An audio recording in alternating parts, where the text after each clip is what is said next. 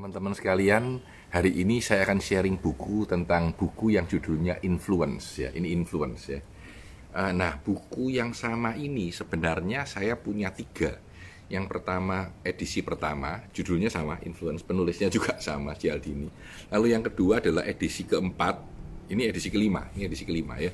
Bukunya antara 1, 3, 4, 5 itu sedikit beda-beda karena contohnya yang beda. Nah, 2002 eh, sampai 2004 saya itu mengambil MBA saya di University of Chicago. Dan saya kira dalam dua tahun itu saya punya buku lebih dari 50 mungkin ya lebih dari 50 nah menurut saya ini buku terbaik. Terbaik dari 50 buku yang saya baca selama dua tahun ya mungkin lebih dari 50 saya beli buku ya. Nah yang menarik adalah buku ini materinya saya pakai di seminar pertama saya di tahun 2005 ya. Dan masih saya pakai sampai tahun ini gitu ya. Walaupun tidak semuanya sama. Tapi konten buku ini sangat memorable di benak saya. Di mana orang itu bagaimana caranya bisa mempengaruhi orang. Jadi gini, antara iya dan tidak, iya dan tidak ya. Saya eh, misalkan begini, Bapak mau eh, pergi ke Jakarta bulan depan gitu tidak itu pasti tidak walaupun dibilangin apa pun pasti tidak. Atau iya saya pasti pergi ya. Iya ini sudah pasti gitu ya. Tapi di antara tidak dan iya itu kira-kira ada ruang 70 persenan itu ya yang antara itu. Yang bisa membuat kita lebih terpengaruh untuk iya ataupun untuk tidak. Itu kira-kira gambarannya ya. Jadi influencing atau mempengaruhi orang itu eh, banyak tekniknya, ya, banyak psikologi di belakang itu dan sangat berguna dalam kehidupan sehari-hari. Jadi misalkan anak kita minta, mam aku minta es krim gitu ya, udah dikasih, enggak, enggak, enggak, enggak, enggak, enggak ya. Terus, oh itu mam aku kepingin es krim, enggak usah, nanti flu lo ya. Ya sudah mam, enggak apa-apa, anaknya jalan lagi, jalan lagi, tiba-tiba Mam, aku kepingin es krim. Sudah, sudah dibilangi tidak usah ya. Dan anaknya diam aja. Tiba-tiba menangis. Ibunya tanya, lo kenapa kamu nangis? Tidak apa-apa, mam. Aku tidak beli es krim, tidak apa-apa. Cuma kepingin aja, keinget-inget es krim itu enak, mam akhirnya dibelikan oleh sang ibu. Yang menarik dari story pendek ini adalah bahwa kita dari kecil tuh mempunyai kemampuan untuk menginfluence orang. Nah, buku ini, influence ini memberikan kerangka berpikir tentang bagaimana kita mampu lebih mempengaruhi orang, lebih mempengaruhi orang. Saya kasih beberapa contoh aja ya tentang tekniknya karena cukup banyak ya. Contohnya adalah kalau misalkan kita ke pameran, ada pameran, pameran, oh, pameran mobil, pameran buku, pameran uh, desain pameran apa pun sering orang dikasih pulpen dikasih pulpen dikasih notepad dikasih tas gratis ya itu prinsipnya namanya reciprocation. Kalau kita memberi sesuatu, orang akan ingin membalas budi kepada kita. Ini contoh ya. Jadi kalau Anda mau memberikan sesuatu kepada orang, mau mau mempengaruhi orang, berilah dia sesuatu, tidak harus uang ya, tidak harus barang ya. Bisa saja informasi, bisa saja kemudahan akses, bisa saja seminar gratis, bisa saja apa saja. Tapi memberi itu membuat kita menjadi lebih mudah dipengaruhi oleh orang yang memberi itu. Ini contoh, contoh yang gampang ya. Yang lain adalah misalkan kalau saya seminar di Jakarta ya, sering sekali begitu selesai seminar orang datang ke, ke tempat saya dan bilang, Pak, Pak, Bapak dari dari Surabaya ya? Saya juga dari Surabaya. Nah, kesamaan sama-sama dari Surabaya, sama-sama hobi main golf, sama-sama hobi memancing ya, sama-sama hobi membaca buku, bahkan kenal orang yang sama, itu membuat kita lebih mudah dipengaruhi. Jadi kalau saya jualan barang ke Anda atau jual ide, lalu saya bilang, "Loh, Pak, bos Anda namanya ini loh, saya kenal dia gitu ya. Kenal ini membuat kesamaan antara kita dengan orang yang kita ingin pengaruhi dan itu akan membuat kita lebih mudah mempengaruhi orang ya. Uh, seminar yang saya pakai itu judulnya Weapon of Influence. Jadi dari sini sebenarnya Weapon of Influence ya. Senjata untuk mempengaruhi orang, Weapon of Influence ya. Jadi bagaimana kita mempengaruhi orang? Banyak sekali tekniknya. Tanpa sadar sering seorang sales yang baik sudah melakukannya. Saya kasih contoh. Di sebuah toko ya, ada seorang wanita mau beli baju dan tanya, "Mbak, ini bajunya bagus ya?" "Oh, saya coba-coba bagus ya." Lalu um, um, pembeli ini tanya, "Mbak, bajunya ini datang berapa?" gitu Ya, orangnya selalu bilang, oh datang cuma dua gitu ya. Ya, kalau gitu dibeli satu, ya. Tapi sebenarnya datangnya berapa? Dua dosin. Tapi kalau dia bilang dua dosin, orang tidak akan beli. Kenapa orang tidak akan beli? Karena kalau tahu bahwa bajunya datang dua dosin, itu akan banyak yang punya gitu. Tidak ada scarcity atau kelangkaan.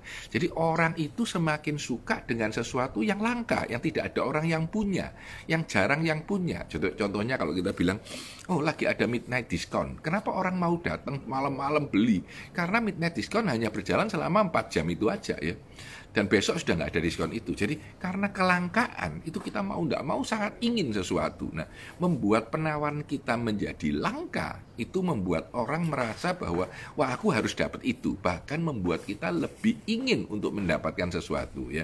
Ini contoh bagaimana influencing mempengaruhi orang ya itu sangat powerful di dalam kehidupan kita baik sebagai leader untuk mempengaruhi anak buah, seorang sales untuk menjual produknya ataupun sebagai seorang eksekutif untuk mengajak koleganya supaya koleganya mau melakukan proyek yang dia inisiatifkan. Ini contoh ya. Cukup banyak sekali orang-orang yang memakai influencing sadar atau tidak sadar, sadar atau tidak sadar ya, memuji, pricing, memuji seseorang. Waduh kamu bagus loh ya, saya nggak pernah lihat orang yang rajin seperti kamu ya toh. Informasimu sangat kaya. Nah ini juga disebut dengan influencing karena mem memuji orang itu membuat orang merasa happy, orang happy dan dia suka dengan anda dan dia akan lebih mudah anda pengaruhi. Ini contoh bagaimana uh, sesuatu itu akan membuat kita lebih mempengaruhi orang ya. Ada satu lagi yang disebut dengan kontras. Kontras itu adalah bilang sesuatu yang besar dulu, baru bilang yang sesuatu yang kecil gitu ya. Jadi misalkan Bapak mau ikut acara, saya tanya, Pak, seminarnya Pak Tanadi berapa? Oh, sehari 2 juta gitu. Waduh mahalnya Pak, oh kami ada yang spesial, sehari hanya 800 ribu. Lalu orang merasa, wah iya ada 2 juta, ada 800 ribu. Harus besar dulu ya, sehingga orang merejek, oh nggak mau, baru diturunkan harganya. Ini akan lebih membuat orang happy gitu ya. Jadi ini yang disebut dengan kontras. Power of kontras ini juga luar biasa. Kita kalau menawarkan sesuatu, sebaiknya yang mahal dulu, baru yang murah gitu. Jangan dibalik, ya jangan dibalik. Jadi ini juga kekuatan yang bisa membuat orang merasa, waduh nggak semahal itu ya ya. Kalau gitu uh, saya misal saya kasih contoh saya kasih contoh ya. Ada sekelompok kelas gitu ya. Lalu satu kelas ini percobaannya satu kelas ditanyain teman-teman siapa yang mau mengajak anak yatim piatu di sebelah yatim piatu di rumah sebelah untuk me pergi ke kebun binatang? Nggak digaji nggak digaji ya. Jadi jadi sangat apa namanya sangat sederhana. Oke kamu kalau kalau mau mengajak anak yatim piatu pergi ke kebun binatang. Siapa yang mau pergi? Nah, dari 100 orang, ya, dari 100 orang, yang mau itu cuma 17 orang, 17 persen, 17 persen, ya. Nah, di kelas yang lain, di kelas yang lain, pertanyaan yang sama diajukan, tapi sebelum pertanyaan diajukan, dia bilang gini, teman-teman sekalian, siapa yang mau mengajar matematika kepada anak yatim piatu sebelah setiap minggu dua kali selama dua tahun? Gak ada yang mau ya, ya ada satu lah yang mau gitu dari 100 orang ya. Terus gurunya bilang, oke okay, oke okay, oke, okay. project itu kita mundurkan aja. Sekarang saya tanya, nah dia tanya pertanyaan yang persis sama. Siapa yang bersedia mengajak anak yatim piatu ke kebun binatang pada hari Minggu? Ya. Dan sekarang yang mau 51 orang. Nah ini menarik. Ya, jadi dari 20, 17 naik ke 51. Nah, kalau saya seminar cerita gini, orang tanya, loh Pak, lalu gunanya apa influence ini dalam kehidupan sehari-hari saya? Nah, saya bilang, prinsip yang sama persis, prinsip yang sama persis yang Anda tadi dengar itu, saya coba aplikasikan dalam kehidupan yang berbeda. Saya kasih contoh ya. Hujan deras, rumah Anda bocor, dan Anda per, eh, ke kantor, dan di kantor Anda ketemu bos Anda. Anda bilang, Pak Bos, bolehkah saya utang 10 juta rupiah dan setiap bulan saya dipotong satu juta karena gajinya 6 jutaan ya dipotong satu juta sehingga 10 bulan lunas untuk memperbaiki rumah saya yang bocor Nah, kemungkinan dapatnya duit itu 17%. Ini saya kasih perumpamaan yang sama ya. Tetapi kalau Anda datang ke tempat bos Anda dan bilang, "Bos, rumahku itu kebocoran, Bos ya. Bocor enggak karu-karuan. Tadi saya panggil arsitek teman saya dihitung-hitung katanya biayanya 50 juta. Wah, nggak mungkin. Saya punya uang 50 juta, enggak, enggak mungkin saya akan bisa pinjam sama Pak Bos ya kan enggak enak sungkan gitu ya. Ya sudah bos cuma lapor aja terima kasih. Ya udah ya udah bosnya. Terus dia pulang. Nah uh, dua hari lagi dia datang kepada bos yang sama dan bilang Pak bos Pak bos Pak bos ya saya itu dapat bantuan 20 juta dari kakak saya yang di Arab dia lagi kerja di Arab dikirimin katanya disumbangkan buat saya. Wah Duh, rezeki itu memang tidak ditunggu-tunggu ya bos ya. Nah, ayah saya yang di Jakarta minjemin 20 juta lagi bos ya. Katanya bayarnya kapan-kapan aja nggak apa-apa asal bantu rumahnya karena tahu rumah saya kebocoran ya.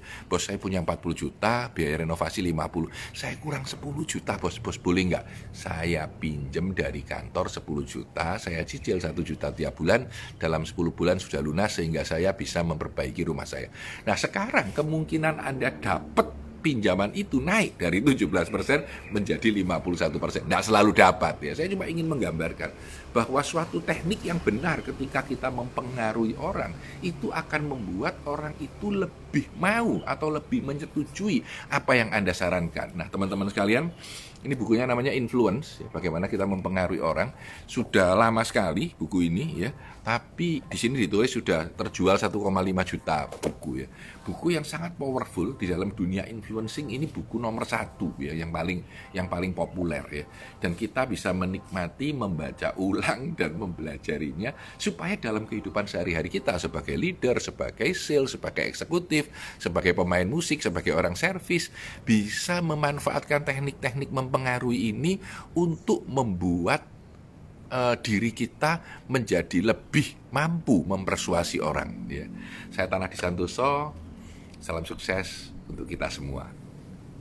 Materi ini ada di IGTV kita, jadi bisa di-sharekan kepada teman-teman karena akan masuk di IGTV saya. Terima kasih dan selamat pagi.